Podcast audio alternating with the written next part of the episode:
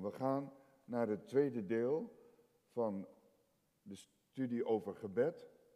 En deze zal heten deze avond bidden en de gave van Gods geest. Ik begin met te zeggen dat de gaven van Gods geest zo nodig zijn. En dat zullen we dadelijk ook horen tot opbouw van de gemeente. Maar weet u waar ik ook een blik in mocht slaan, is in de hemel. Daar leest Ezekiel een van de eerste hoofdstukken van het boek Ezekiel. Ezekiel mocht een blik slaan in de hemel en daar zag hij de geest van God bezig. Daar zag hij dat de geest van God waaide. En er was geen moment stil. En de wezens in de hemel, die volgden hem. Die volgden de Heilige Geest. Die volgden niet zichzelf. Die hadden geen eigen wil meer, om maar zo te zeggen, in de hemel sowieso. Want dan is Gods wil één op één overgedragen op degenen die daar zijn.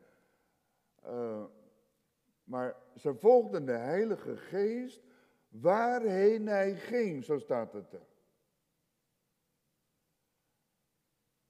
En die wezen zelf, die gingen als bliksemschichten heen en weer met licht. En er, was, er is volop beweging in de hemel, geleid door de Heilige Geest. Hoe is het met uw leven thuis? Is daar ook een bliksemschichter van Gods Heilige Geest in uw binnenkamer, de kracht van Gods Geest aanwezig? En dan volgt die Gods Geest in de gebeden? Of is het stil in uw binnenkamer? Is daar geen geest van, heilig, van, van God? En daar moeten we naartoe, lieve mensen. Daar moeten we echt naartoe. Want uh, het is ook zo mooi om dan te lezen dat, uh, dat de, die wezens achter de geest van God aangingen. En ze gingen rechtuit, staat er ook geschreven. Ze gingen rechtuit. Zij omzeilden niet dingen, ze gingen rechtuit. En er staat ook geschreven, zij draaiden zich niet om. Zij keken dus niet meer naar achteren, zij keken altijd maar naar voren. En ze gingen rechtuit op het doel af. Halleluja. Dat is leven in de geest. Dat is een wandel hebben in de geest. En dat verwacht God van ons hier op aarde al. Opdat we daar ingepast kunnen worden in het leven daarboven. Want anders, als wij hier dat niet kennen in ons leven, dan als we daar komen, dat kan natuurlijk niet, maar gestel dat, dan op die manier, zonder een wandel in de geest, in de hemelse sferen komen, dan voelen we ons niet thuis. Dan zullen we vreemd staan en zeggen, waar ben ik terechtgekomen? Ik voel me hier niet lekker. Waarom? Omdat we dat leven hier niet hebben gekend.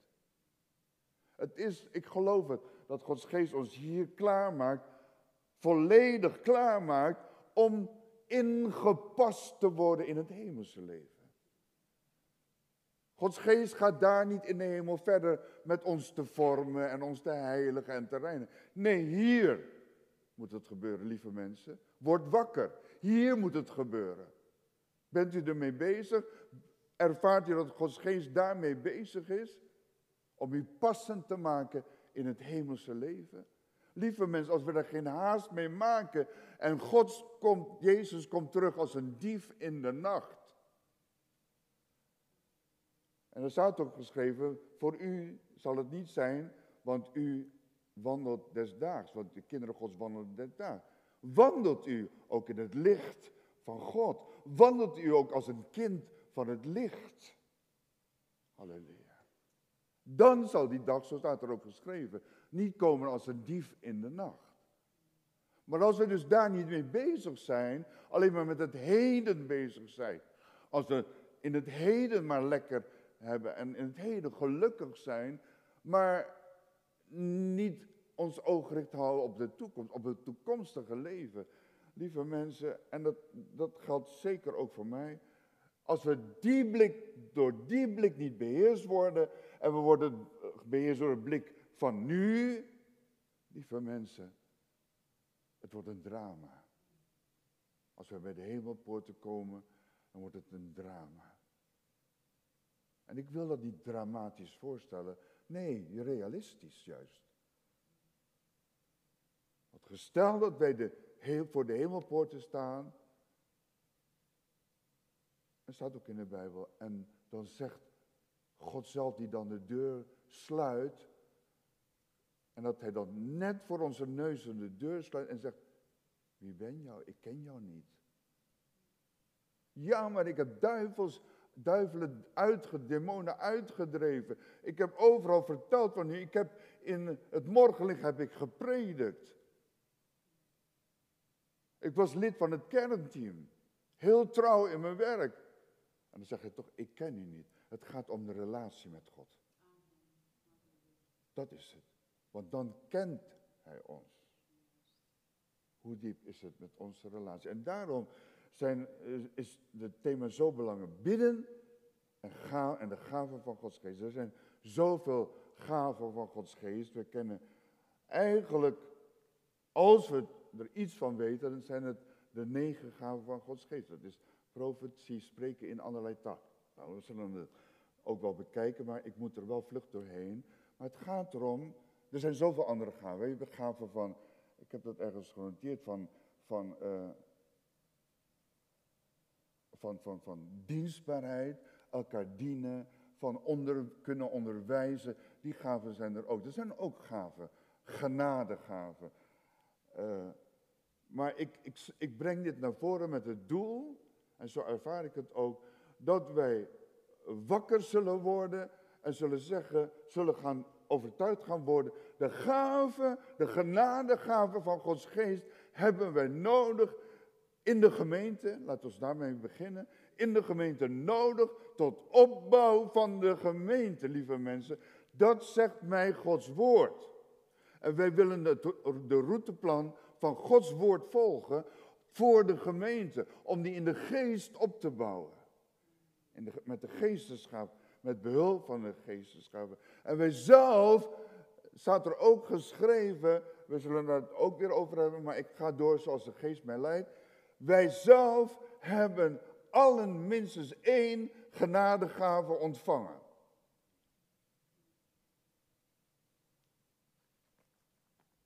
Weet u wat uw genadegave is? Daarmee moeten wij de gemeente opbouwen. God heeft me er echt bij bepaald. We hebben een verandering ervaren in de gemeente van een praktische structuur vooral. En dat was nodig aan het begin, elf jaar geleden. Dat was nodig, het is goed, het gaat goed, praktisch, praktische zaken. Maar de structuur van de Heilige Geest in de gemeente, dat hebben wij nodig. Halleluja. Halleluja. Met deze studies wil God ons de ogen openen voor hoe Hij de gemeente voor ogen heeft. Vol van beweging, geen passiviteit, vol van activiteit, het zichtbaar maken van de kracht van Gods geest, specifiek door de geestesgaven.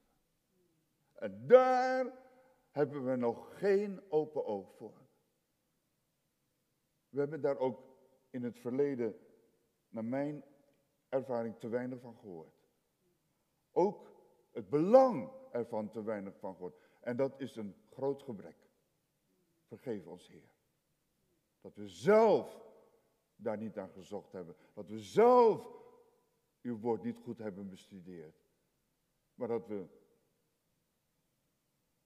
degene hebben gevolgd die daarvoor verantwoordelijk zijn gesteld in de eerste plaats. Maar dat is ook belangrijk zelf. Volgt u niet mij. Volgt u niet degene die het woord brengen, de vrouwen en de mannen. Volgt u die niet in de islam, maar volg zelf Gods woord. Onderzoek zelf Gods woord. Laat uw overtuiging niet afhangen van wat ik zeg, wat ik u leer en de anderen. U moet een eigen overtuiging hebben. Want dat is de vastigheid die u nodig heeft. Want ik faal En als ik faal, dan zegt hij, oh, dat heeft u geleerd, maar nu faalt u. Dan ga ik ook wankelen.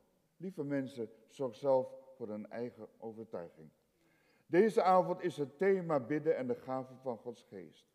Opdat we zullen gaan, gaan inzien dat zonder opvoeren van de intensiteit van onze gebeden er geen sprake kan zijn van de gave van de geest werkende in de gemeente. Hoort u goed wat Gods woord zegt? Wij sluiten zelf de deur voor de gaven en de werkingen van Gods geest in de gemeente. Als wij niet meer gaan bidden. En met meer bidden bedoel ik niet langer bidden, maar dieper bidden. Gebed is immers de kweekbodem van de Heilige Geest, van waaruit Hij zijn gaven, de geestesgaven, tot ontwikkeling brengt. En dat, dat is eigenlijk de kern van het thema, de kern van, van de boodschap van de Bijbelstudie vandaag. Daarom bidden en de geestesgaven. De gaven van Gods geest. Dat is niet los te denken. Waar goed gebeden wordt, waar wordt gebeden in de geest, daar komen de gaven van Gods geest tot ontwikkeling. Maar het tegenovergestelde is ook waar. Als er, waar er niet wordt gebeden, ook in uw persoonlijk leven, als dat niet gaat stijgen, niet dieper gaat worden, dieper in Gods geest. Lieve mensen, u blijft zwak en u wordt alleen maar zwakker. Tegenover, ik waarschuw u, tegenover de antichristelijke geesten die er aankomen, nee, die er al zijn, maar die alleen maar sterker worden en gericht zijn op u.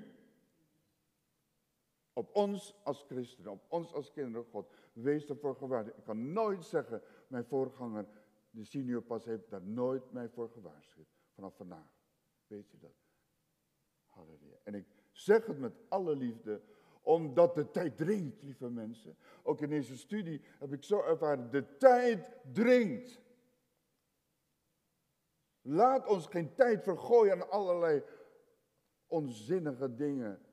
Bepaalde dingen moeten we doen, moeten werken. We mogen genieten van het leven natuurlijk. Maar u weet wat dat betekent voor uw eigen leven. Waar, geen, eh, gebed geen ruimte krijgt om te groeien, daar komt de geest met zijn gaven ook nooit tot ontwikkeling. Wij sluiten zelf de deur. Als wij na vanavond zeggen, ik blijf gewoon op hetzelfde niveau van mijn gebed. Dan zegt u vanavond daarmee ook, ik sluit de deur voor de gaven van Gods geest voor mij. Er zijn vele genadegaven die door de geest aan ons worden gegeven. Ik geef u teksten op, we lezen het niet, maar daar kan u het in lezen. Ik ga straks verderop over de negen gaven van Gods geest wat meer vertellen. Maar even alle gaven, genadegaven. Kunt u lezen, u ziet het als het goed is op het scherm. Romeinen 12, vers 4 tot 8. 1 Korinthe 12, vers 4 tot 11 en vers 28 tot 31. En Efeze 4, vers 11 en 12. Lieve mensen, ik heb het nooit zo gezien. Dat het ook allemaal de werkingen van Gods geest zijn. Dat wordt allemaal genadegaven genoemd. Genadegaven, omdat het in het Grieks wordt dat genoemd charismata. En charismata, zullen we dadelijk ook weer zien, komt van het woord charis. En charis in het Grieks betekent genade. En daarom genadegaven. Alle nood, alles zijn nodig, al deze gaven die u kunt lezen daarin, tot opbouw van de gemeente van Christus. Ook tot dienen, het brengt tot dienen. Genadegaven zijn er om te dienen. En als u weet vanaf vandaag zeker dat elk kind van God minstens één genadegave heeft ontvangen, dan betekent het, we moeten dienen. Om te dienen, gegeven, om tot eenheid te komen. En ik zeg het, dat weet u de laatste tijd heel duidelijk. Eenheid in de gemeente is niet lief zijn voor elkaar alleen. Dat ik kan zeggen, ik heb tegen niemand wat. Ik vind de gemeente zo lief. Dat bepaalt niet de eenheid. De eenheid wordt bepaald door het verlangen van ons allemaal naar de geestesgaven. Halleluja. Brengt ons tot volwassenheid, tot de volheid van Christus. Wilt u dat ook? Zoek naar de genadegaven. Er is geen christen die alle gaven heeft. En daarom hebben wij elkaar nodig. Verschillende gaven.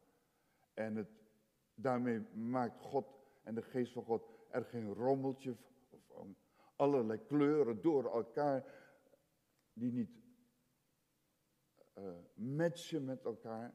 Nee, u wordt daarin gebruikt. Ik word ergens anders in gebruikt. En u weer ergens anders. Zoals God het wilt, zullen we ook dadelijk lezen. God bepaalt waar uw plaats is in zijn gemeente. Zoek niet zelf een vooraanstaande plaats, een opvallende plaats.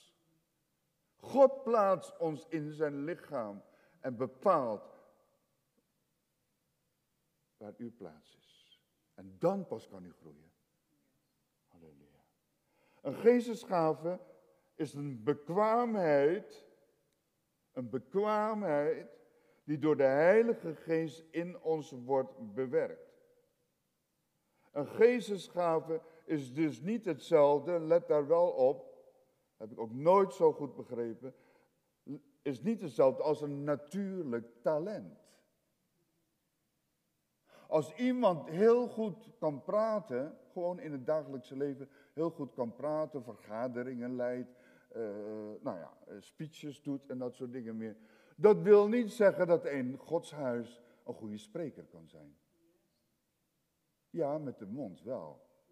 Maar gebruik de godsgeest is heel wat anders. En zo geldt het voor andere natuurlijke talenten van ons. We moeten deze twee dingen niet met elkaar verwarren. Iemand die goed les kan geven in de, in de wereld, op school of waar dan maar ook, kan niet automatisch ook goed de Bijbel uitleggen en onderwijzen. Goede les kunnen geven is een natuurlijk talent. Helder en duidelijk de Bijbel uitleggen is een geestelijk talent. Iemand die goed leiding kan geven, kan hopeloos falen als hij gevraagd wordt om leiding te geven aan geestelijk werk. Om leiding te geven aan geestelijk werk moet de Heilige Geest jou wijsheid geven. Bij alles trouwens hoor wat je doet, heb je de wijsheid van God nodig. En daar zie je al het verschil tussen een natuurlijk talent en een geestelijk talent die je van God hebt ontvangen. Natuurlijke, dat is heel belangrijk, luister goed. Natuurlijke talenten krijgen wij bij onze geboorte mee. Een geestesgave, ook een talent, krijgen wij bij onze wedergeboorte. Onthoud dat goed. Iedere christen, u moet mij niet kwalijk nemen dat ik veel lees, omdat ik toch wel, hoe zeg je dat, ehm, precies wil zijn en het niet te veel wil uitweiden. Iedere christen is bij zijn wedergeboorte in het lichaam van Christus geplaatst met minstens één bekwaamheid. Ofwel één gave. Deze geestesgaven stellen ons in staat om God te dienen. Daar is het voor. En daarom denk ik nu ook aan die tekst. Hij heeft ons gemaakt tot koningen niet alleen, maar ook priesters. En dat wijst op dienen. Elk kind van God wordt geacht door God, niet door mij, door mij, wordt door God geacht God te dienen. Want je bent een priester gemaakt bij je wedergeboorte. Er moet in de gemeente en vanuit de gemeente naar buiten veel meer beweging komen. En dat was wat mij dreef in deze hele Bijbelstudie. Veel meer beweging komen en een samenspel om het koninkrijk van God uit te breiden en de oost binnen te halen. Een samenspel. Zo heb ik dat in deze studie duidelijker gezien. Samen moeten we dat doen. Samen dienen. Samen het werk van God doen. Ik met mijn gave, u met uw gave. Maar samen. Halleluja. Mooi is het werk van God. Christelijke organisaties zijn goed om via hen mensen over de hele wereld te bereiken en te winnen voor het koninkrijk van God. Prima, dat werkt heel goed. Maar daarnaast, daarnaast moet de gemeente zelf ook in actie komen en rechtstreeks de oogst binnenhalen. Bent u daarmee eens? Of niet? Daarom moet er een beweging van Gods geest en een overgave aan Gods geest komen, waardoor wij de gave die God ons bij onze wedergeboorte gegeven heeft, gaan ontdekken. Gaan ontdekken, wat is mijn gave die ik bij mijn wedergeboorte heb gekregen. Ik kan niet zeggen en blijven volhouden, ik kan niks. Nee. En ik denk, als wij dat op de keper beschouwen, als wij zeggen ik kan niks, dan is het een klap in Gods gezicht. Want Hij heeft u doen wedergeboren met een gave. Maar de kunst is nu met Gods geest, de hulp van Gods geest, om te ontdekken, wat is mijn gave? En mijn gave hoeft niet altijd te zijn, wees daar maar niet bang voor. Misschien zijn er sommigen die bang daarvoor zijn, hier op het podium. Nee. Koninkrijk van God is niet alleen hier het podium. Dat is in de gemeente, overal in alle zalen, bijzalen, maar ook in de hele wereld. Dat is uw arbeidsveld. Halleluja. We moeten dat gaan ontdekken. En hoe moet ik dat gaan ontdekken? Door in de eerste plaats bidden. Er overtuigd ervan te worden vandaag, ik heb minstens één genadegave gekregen bij mijn wedergeboorte. Heer, laat mij duidelijk zien, opdat ik ook geen vergissing zal maken en ik ook niet op een andere mans plaats ga staan. Dat is ook belangrijk, want dan gaan we gauw zo doen. Ik ben beter dan die. Nee, wat is mijn plaats? Wat is mijn gave, mijn genadegave? En laat het me, nogmaals zeg ik dat, duidelijk zien, opdat ik niet meer zal twijfelen.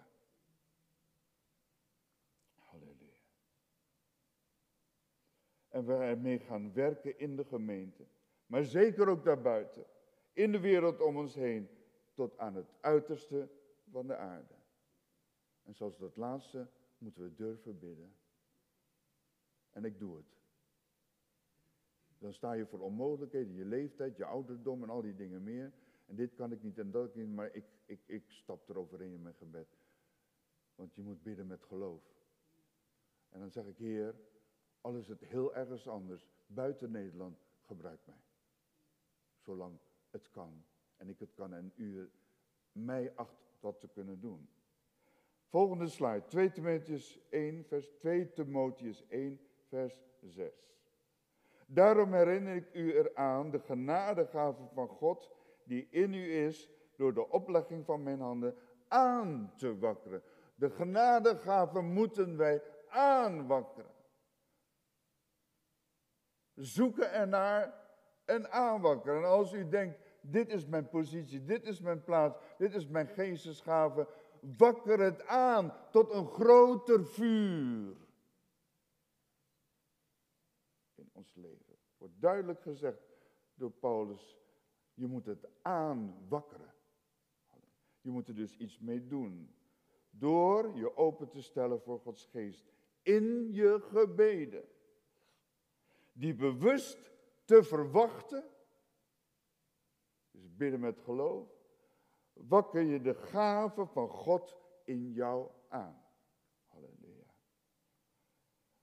Dus zonder diepere gebeden in deze dagen zullen wij die ontdekkingsreis met Gods geest niet gaan maken. En blijven wij, wij bij het reeds ontdekte, bij het bekende en daarom het vertrouwde. En verlangen wij ook niet naar meer en grotere dingen.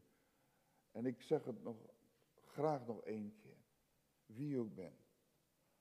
Als u bij, dit, bij het beluisteren van dit woord loopt tegen uzelf aan, dat u denkt, nee dat kan ik, nee dat kan, nee. Nee hoor, dat kan ik niet. Die wel, maar nee, nee. Want, en dan, en dan kent u redenen allemaal, want, daarom en daarom. Lieve mensen, stop daarmee, want dan kan God u nooit gebruiken. En dan worden die genadegaven die God u niet zomaar heeft gegeven, waarvan u een rentmeester ook moet zijn. Dat verwacht hij, u kent het verhaal. We moeten een rentmeester zijn. We moeten er dus iets mee doen en niet begraven in de grond zoals die ene slaaf dat deed. We moeten een goede rentmeester zijn. En dan komt het tot ontwikkeling. Dan wordt het verzoveelvoudigd in ons leven. Laat God door je gebeden weten dat je een gewillig vat bent voor de manifestaties van de geestesgave.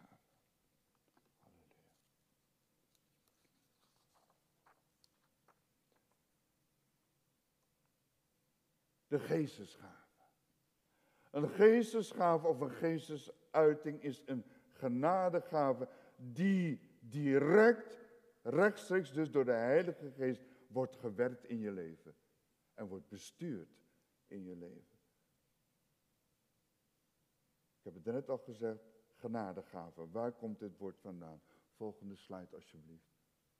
Komt van het Griekse woord charismata en, de, en dat woord charismata komt weer van charis en dat is genade. En vandaar dat het niet zomaar wordt genoemd genadegave.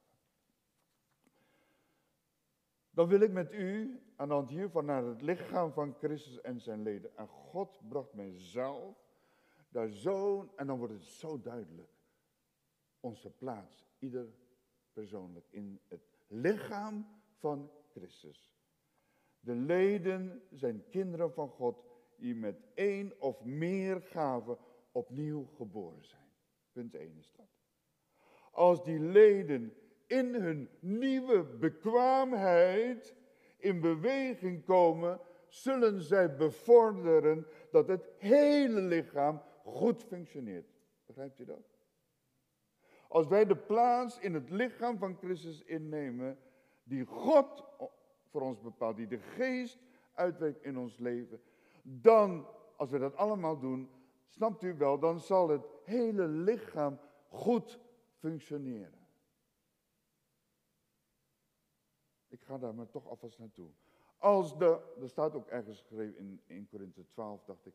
Als de hand zegt nee, ik wil het oog zijn. Maar er zijn al twee ogen in het lichaam van Christus. Maar de hand zegt nee, ik wil, ik wil ook een, een oog zijn. Terwijl je bestemd eh, bent om een hand te zijn. Wat krijg je dan? Als een voet zegt, ik wil een oor zijn.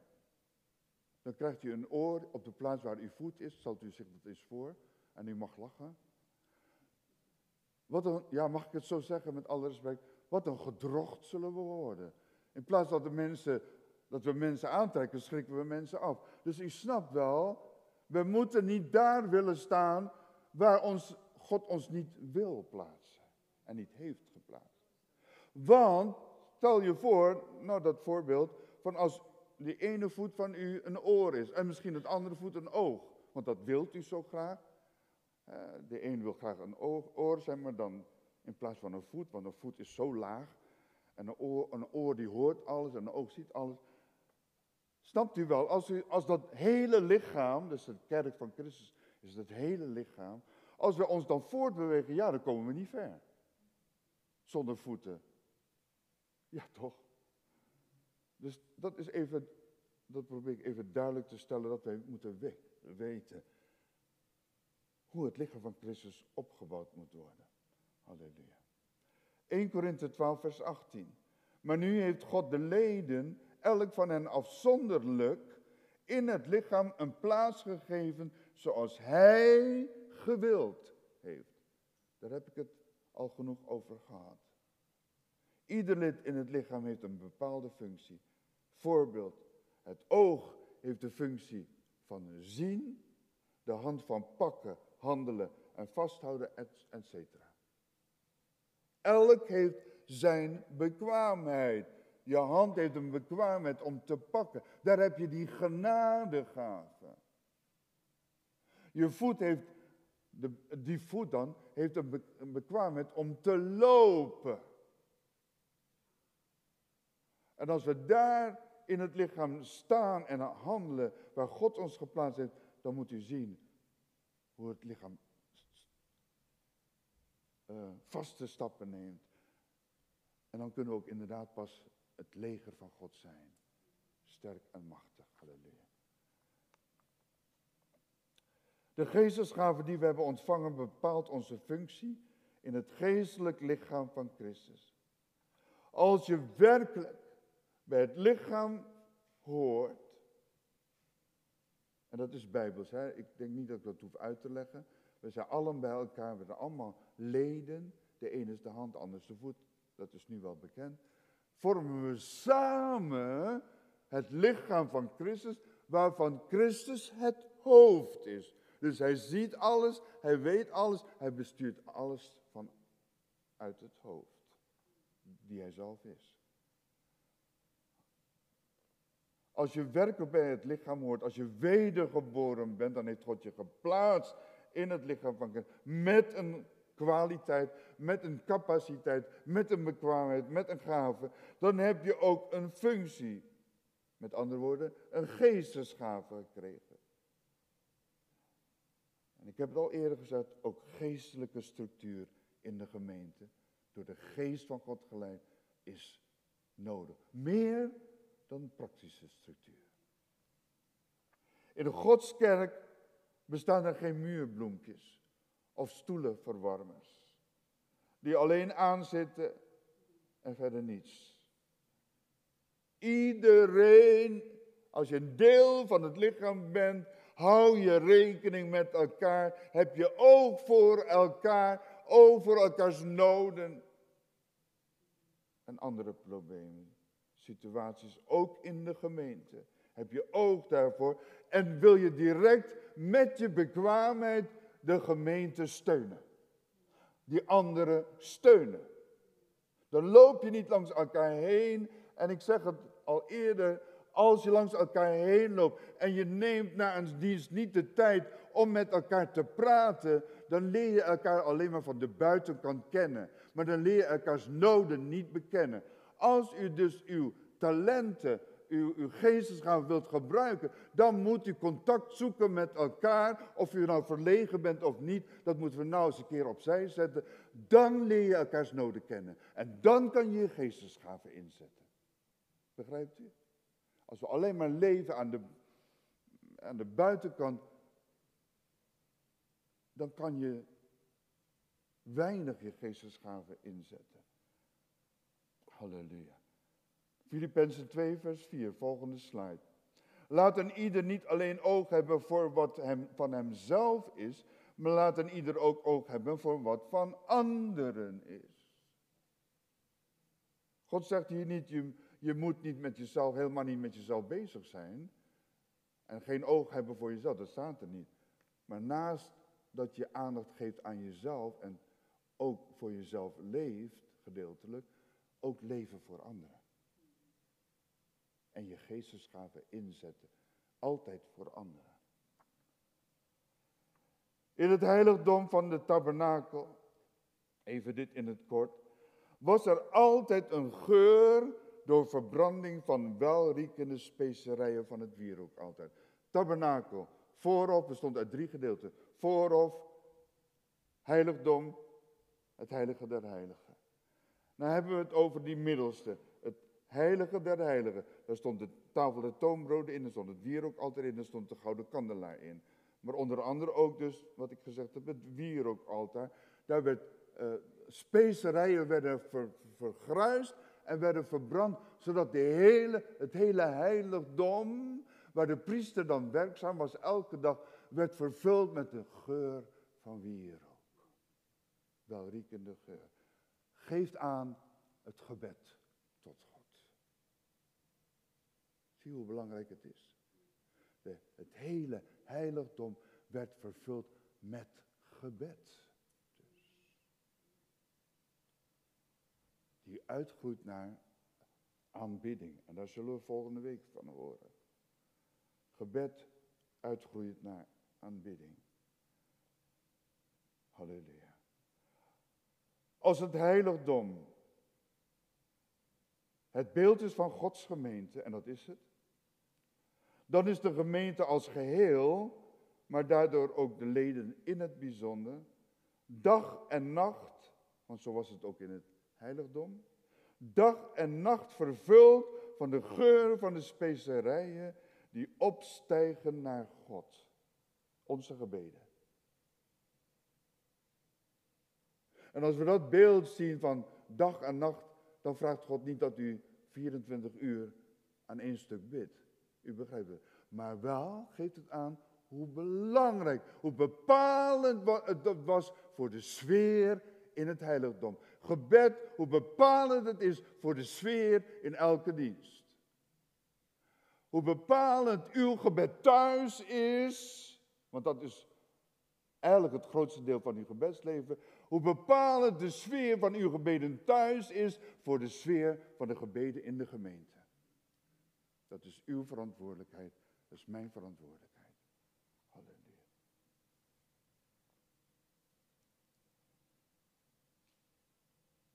In die atmosfeer deed de priester zijn dagelijks werk in het heiligdom van God. In die atmosfeer, welke atmosfeer dus? Van gebed. Deed de priester, hij die werkte voor God, zijn werk in het heiligdom. Een doordenkertje, maar ik denk dat u wel na het voorgaande weet wat God daarmee voor uzelf bedoelt. Het heiligdom geeft de tijd aan en is nu dat de Heilige Geest zich boven alle werkingen van God gaat manifesteren. In een atmosfeer van geurige specerijen van het. In een geur van onze gebeden doet Gods Geest grote dingen. Halleluja. Oh, ik, ik, ik, ik wou dat u dat geloof daarin zou kunnen geven. Dat u het pakt en zegt, ja, dat is het. Want als we dat allemaal doen, hebben we de eerstvolgende dienst, dat is zaterdag, al mannen- en vrouwenochtend, hebben we een geweldige dienst. Halleluja. Halleluja, zeg ik. Hij gaat zich manifesteren door zijn genadegaven. Nogmaals, in de atmosfeer van gebed. Volgende slide, 1 Korinthe 12, vers 4. Er is verscheidenheid van genadegaven, maar het is dezelfde geest. Dus de geest, de genadegaven komen van Gods geest, worden bestuurd en gestuurd door de Heilige Geest. De gaven van de geest in al zijn verschillende kleuren. De geest is kleurrijk. Om maar zo plastisch voor te als wij in dat licht, als we allemaal de kleur rood zouden omdragen, dan wordt het eentonig. Dan wordt het ook eentonig in de diensten. Maar als u de kleur geel draagt en ik de kleur rood, en een ander komt dan en, en, geeft een lied, een aanbiddingsteam, noem maar wat, zingt dan een lied in de kleur groen, En dat matcht dan heel, als de Gods geest dat doet, dan matcht dat zo mooi. En dan wordt het als de kleuren van de regenboog. Een bewijs, een teken van Gods verbond met zijn volk. Halleluja. De gaven zijn nodig voor de gezonde opbouw van de gemeente en om elkaar daarmee te dienen. Volgende slide, 1 Petrus 4, vers 10 en 11. Laat ieder de anderen, daar heeft u dat, wat we moeten doen met onze genadegaven. Laat ieder de anderen dienen. Genadegaven even dat gezegd, is nooit voor jezelf.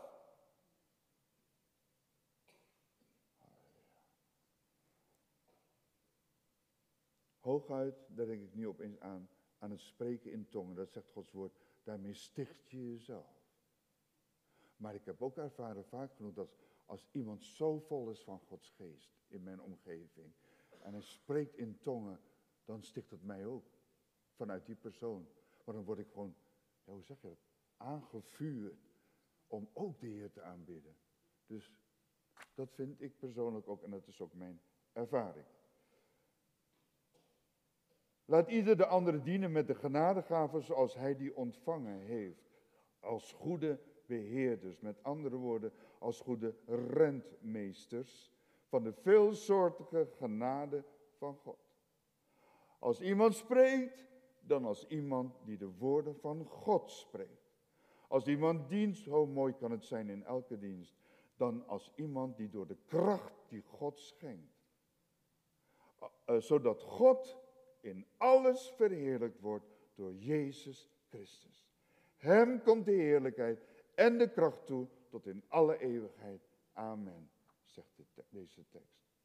Volgende slide, 1 Korinthe 12, vers 4 tot 6. Er is verscheidenheid van genadegaven, maar het is dezelfde geest. Er is verscheidenheid van bedieningen en het is dezelfde Heer. Er is verscheidenheid van werkingen, maar het is dezelfde God die alles in allen werd. Begrijpt u misschien niet wat daarmee bedoelt, de werkingen en de, de gaven en de bedieningen. Het is alles om God te dienen en om de gemeente daarmee te dienen. Ik ga verder niet vanavond in de details over, maar wat ik belangrijker vind is dat het wordt gesproken, er wordt gesproken over dezelfde God die alles in allen werkt. Dus ook in u.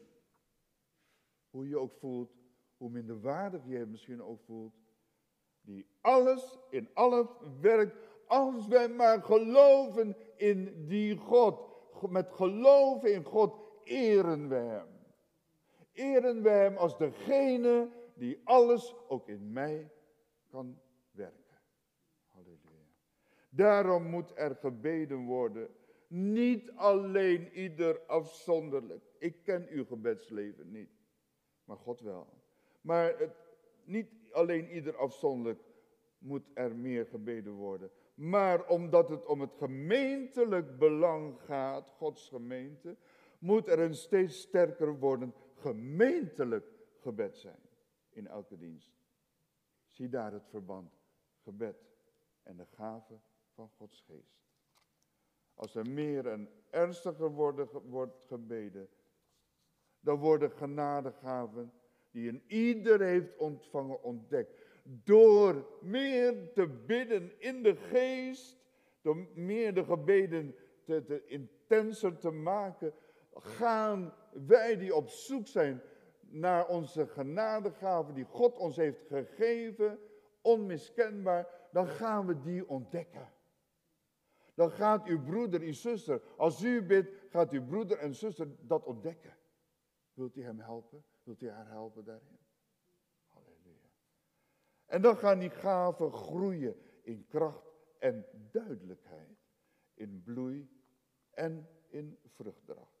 En dat is wat ik hoop dat u daar voor de ogen geopend wordt in, dit, in deze studie. Want daar gaat het om.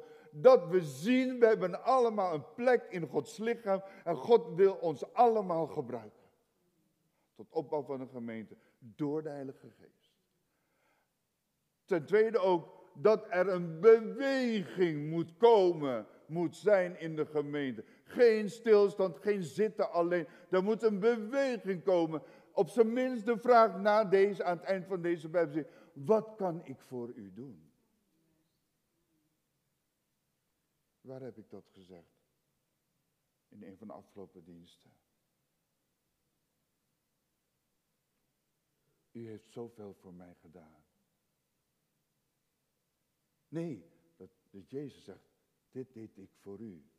Wat doet u voor mij aan het kruis? Denkt u daar eens over na en neem die vraag mee. Enkele gaven van Gods geest die ik wil noemen in vanuit 1 Korinthe 12, vers 7 tot 10. Ik lees dat niet, maar ik noem die gaven.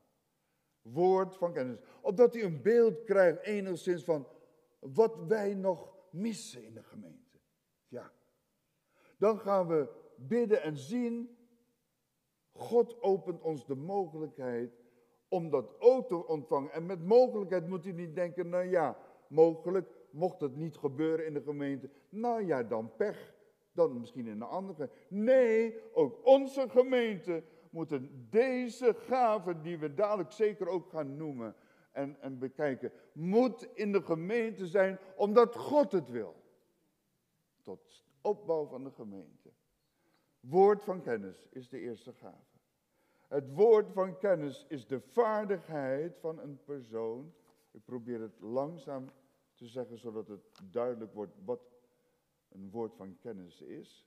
Is de vaardigheid van een persoon om te weten wat God bezig is te doen of gaat doen in het leven van een ander. Een persoon met de vaardigheid van een woord van kennis weet op het moment dat hij woorden van kennis uitspreekt, onder de salving van Gods geest, zonder enige voorkennis van de persoon tot wie hij spreekt, wat er in het verleden van die ander is gebeurd.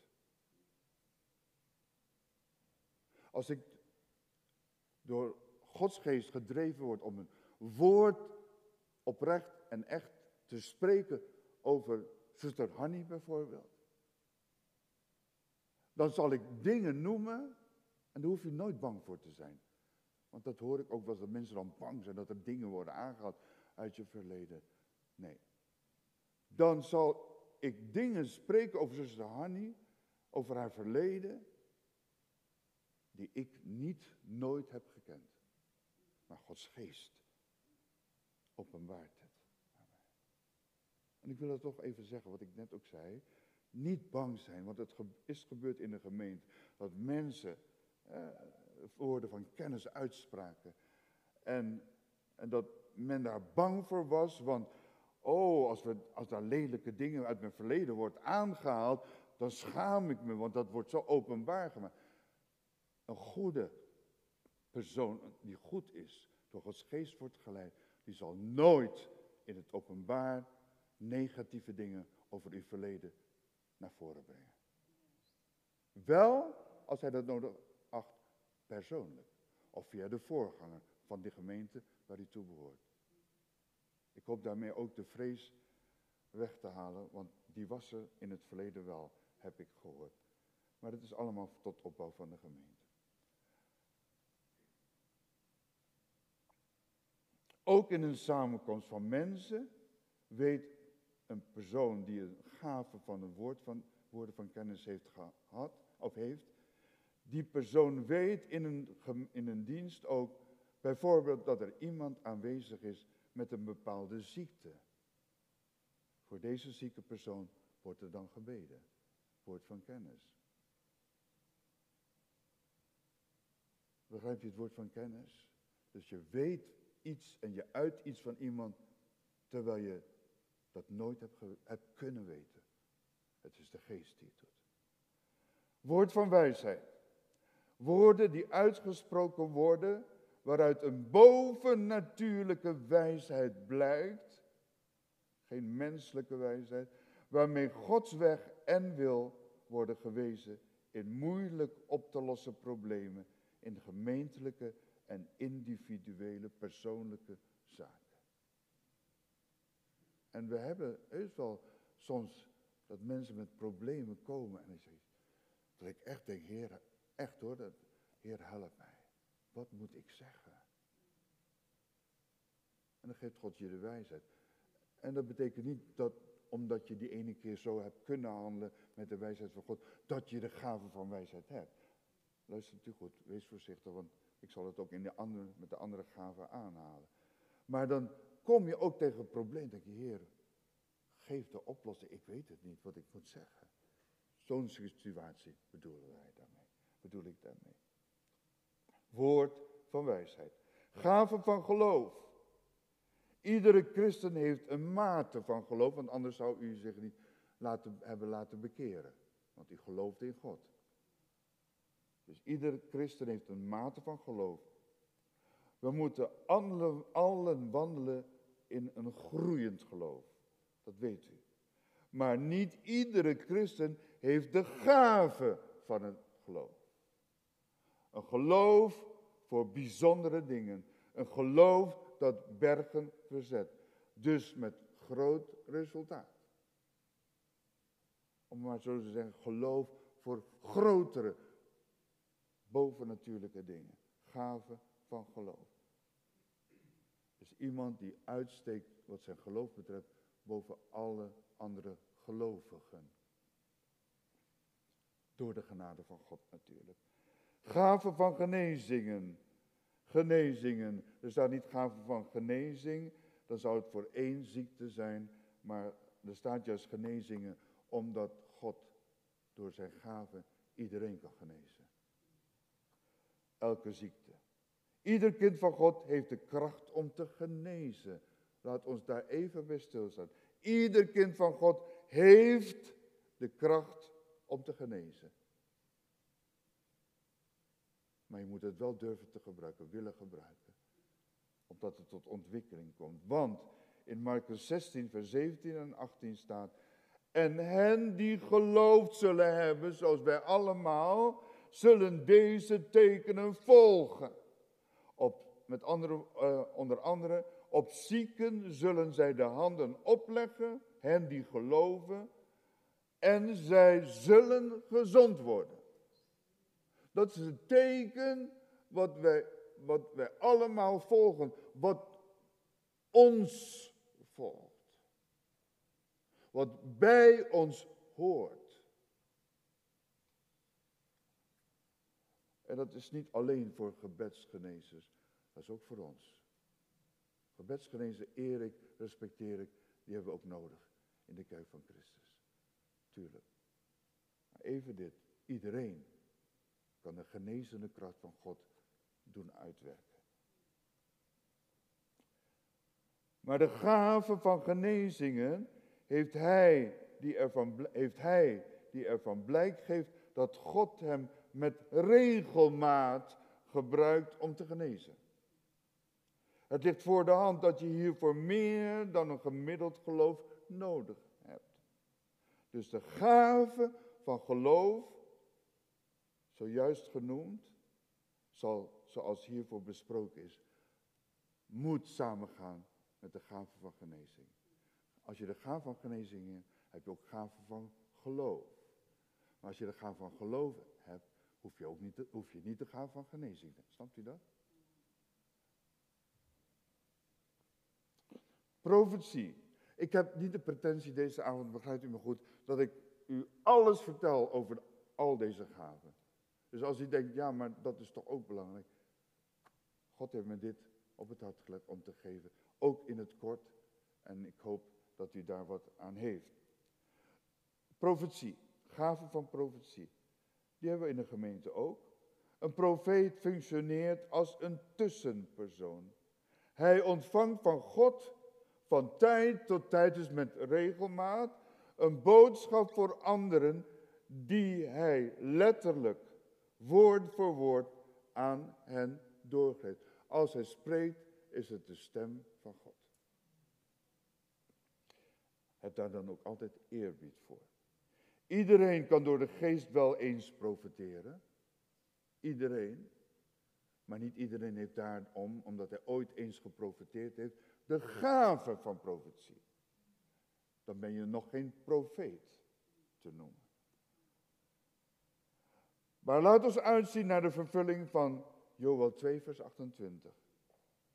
Daarna zal het geschieden dat mijn geest, dat ik mijn geest zal uitstorten op alle vlees.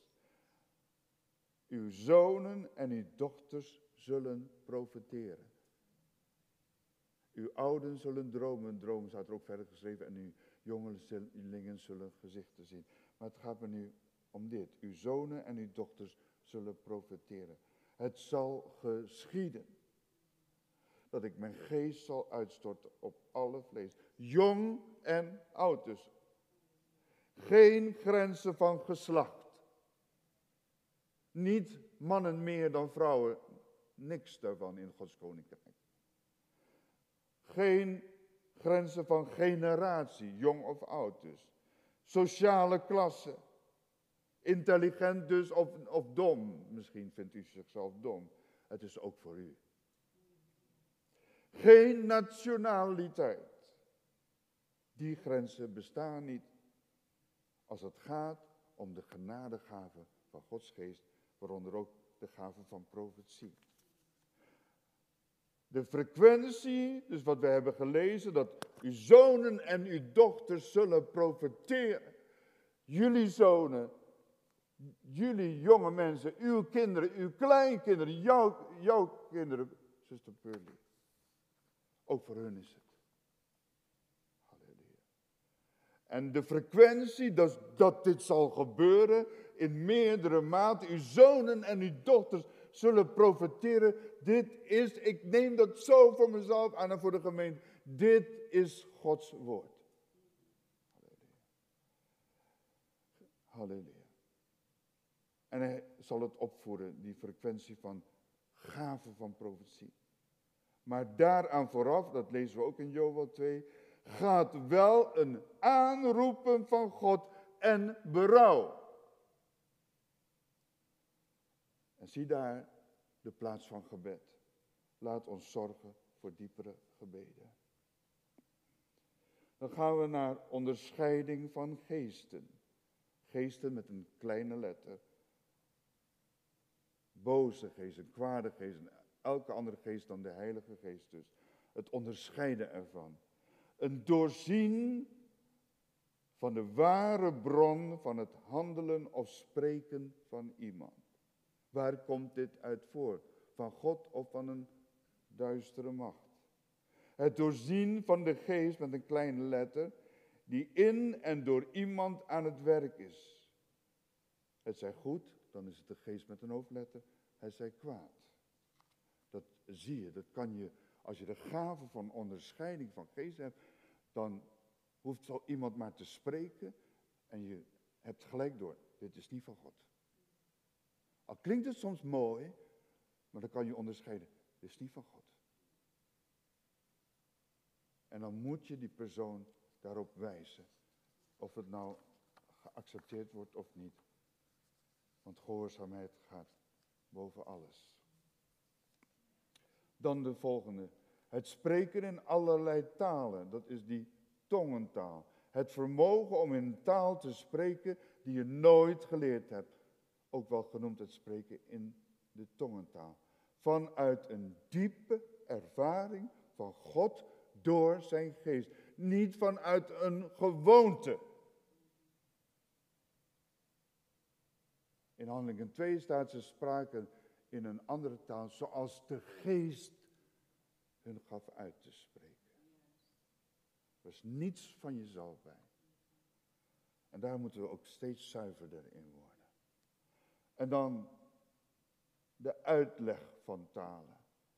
Dus duidelijk denk ik, het vermogen om het spreken in allerlei talen, ook de tongentaal, te vertalen in een begrijpelijke taal. In het Nederlands in ons geval dus. Ik heb het ooit één keer mee gehad. Machtig is dat. Dan is de geest zo aanwezig, jaren geleden. Zo aanwezig. En dan hoor je iemand opkomen in, prachtig, in een tongentaal. En echt met autoriteit, in een sterke tongentaal, duidelijk. En dan stopt die persoon met die tongentaal, stopt hij opeens. En dan direct daaraan geeft iemand met kracht, met een krachtige stem, een andere persoon, hè, de vertaling. Prachtig. Prachtig. Dat is dan zo duidelijk dat Gods geest dat doet, want je kan dat niet à la minuut gaan verzinnen. En hoe dan ook, zo werd het in elk geval, uitleg van taal. Het is, zo werd het, uit de gaaf van uitleg van taal. Dan vertaal je, dan geeft God je de vaardigheid, de bekwaamheid om die ander te vertalen. En dat is niet dat je dan, oh, die spreekt in tongen, even goed luisteren. En dan probeert te vertalen. Dat gaat niet. Gods geest De ene keer spreekt iemand in tongen en sticht zichzelf, zoals de Bijbel ook zegt. Dat is ook om God groot te maken in tongentaal. Niets meer dan dat, maar dat is ook al mooi. Maar de andere, andere moment spreekt een ander zo sterk in de tongentaal, duidelijk, dat daar gewoon je voelt, daar zit een boodschap achter. En dan komt die gave van vertaling, om het zo maar te noemen, komt dan in actie en die vertaalt. Nou, vindt u dat niet mooi? Als God zo werkt. Het doel van de geestesgaven. Het waren de negen gaven die ik wel wilde aanhalen. Maar voelt u als u dat allemaal zo geweldig. Geweldig. En daar staan we nog ver van af. Geeft niet, daarom geeft God het woord. En met Gods woord geeft hij genade. En de weg wijst hij aan. Hè? Het doel van de geestesgaven. 1 Korinthe 12 vers 7. Ik heb dat al eerder gezegd, maar ik herhaal het. 1 Korinthe 12 vers 7. Tot wat nuttig is voor de ander. Genadegaven is altijd vanuit jezelf voor een ander. Niet voor jezelf, ook niet voor jezelf houden. Efeze 4 vers 12. Om de heiligen toe te rusten tot het werk van dienstbetoon. Je ontvangt geestesgaven, heb ik ook al eerder gezegd, om daarmee te dienen. De gemeente te dienen. God in de eerste plaats. Maar daarin de gemeente te dienen. Je broeder of je zuster te dienen. Genezing? Dienen met de gave van genezing. Geloof, omdat een ander zwak is in geloof, klein geloof. Bedienen met de gave van geloof. Zo werkt dat. Zo ongeveer, maar het wordt, is veel mooier. Ook tot opbouw van het lichaam van Christus. Dus begrijpt u wel, de gaven van Gods geest, de genadegaven van Gods geest, zijn puur hard nodig. Is onmisbaar. Is onmisbaar. En helpt u ons dan, helpt u elkaar als gemeente, om dat tot ontwikkeling te laten komen in de gemeente. Door wat te doen? Bidden. Bidden met het uitstrekken van de Heer, doe het in mij. Sla mij niet over, ga mij niet voorbij. Want u heeft gezegd, de grenzen van leeftijd, van, van, van, van, van, van intelligentie, al die, die andere dingen meer, man of vrouw zijn, dat, dat bestaat niet. Het is ook voor mij. En daarom zeg ik, Heer, geef het aan mij. Maar geef het ook aan de hele gemeente, aan mijn broeder, mijn zuster. Dat ze allemaal duidelijk zullen gaan zien, dit is mijn positie, door Gods geest, door God bepaald. Hoe heerlijk als we zo voor elkaar kunnen bidden. En als we daarin dan ook de, de, de, de, dat God verhoort. Dat we de vruchten ervan mogen zien. De eenheid van de gemeente ontstaat door hetzelfde streven en verlangen te hebben naar de genadegave van Gods geest. En die te ontdekken. Samen met de vrucht van Gods geest. Gelaten 5, vers 22. Gave van Gods geest en de vrucht van Gods geest. En de vrucht van Gods geest is liefde, matigheid, dus zelf, jezelf te kunnen beheersen, vriendelijkheid.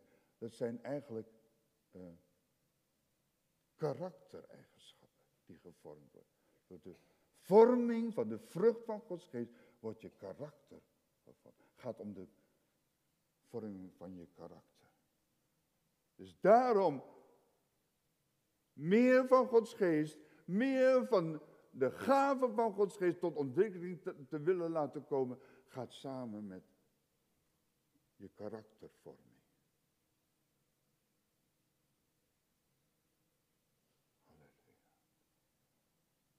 En dat bepaalt, als we datzelfde streven hebben, de eenheid van Gods kerk. Halleluja.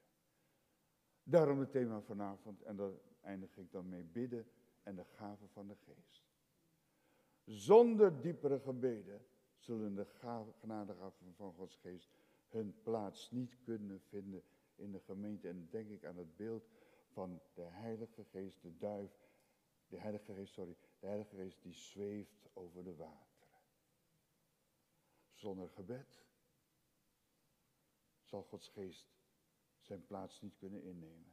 En blijven wij een kale bruid, zonder bruidsversierselen. En de bruid van Christus is geen kale bruid. Gods, de bruid van Christus is versierd met de geestesgaven van God. Onmiskenbaar. En dat mag niet ontbreken. Halleluja. Ik heb deze gaven voor u geprobeerd enigszins toe te lichten, zodat u daarin een zekere mate van inzicht zult krijgen. Als iets niet facultatief, iets niet van, nou ja, kijk maar, uh, lukt het, dan lukt het niet, en krijg ik het, dan krijg ik het niet. Dat is, dat is facultatief. Je kijkt maar. Lukt het je? Heb je tijd ervoor? Maar de gaven van Gods geest zijn niet facultatief, maar dringend nodig. Daardoor zal je het verlangen krijgen om te bidden, om te roepen tot God. Dat is het gebed. Genade voor mij. Geef mij ook de gave van de Heilige Geest, opdat ik uw gemeente daarmee zal dienen. Ja, vergeet het niet. Het is Gods gemeente. En als je de gemeente dient, dien je dus ook God.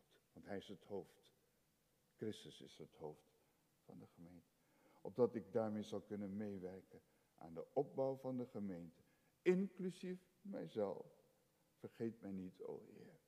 In het nieuwe seizoen. A year of a breakthrough of God's power.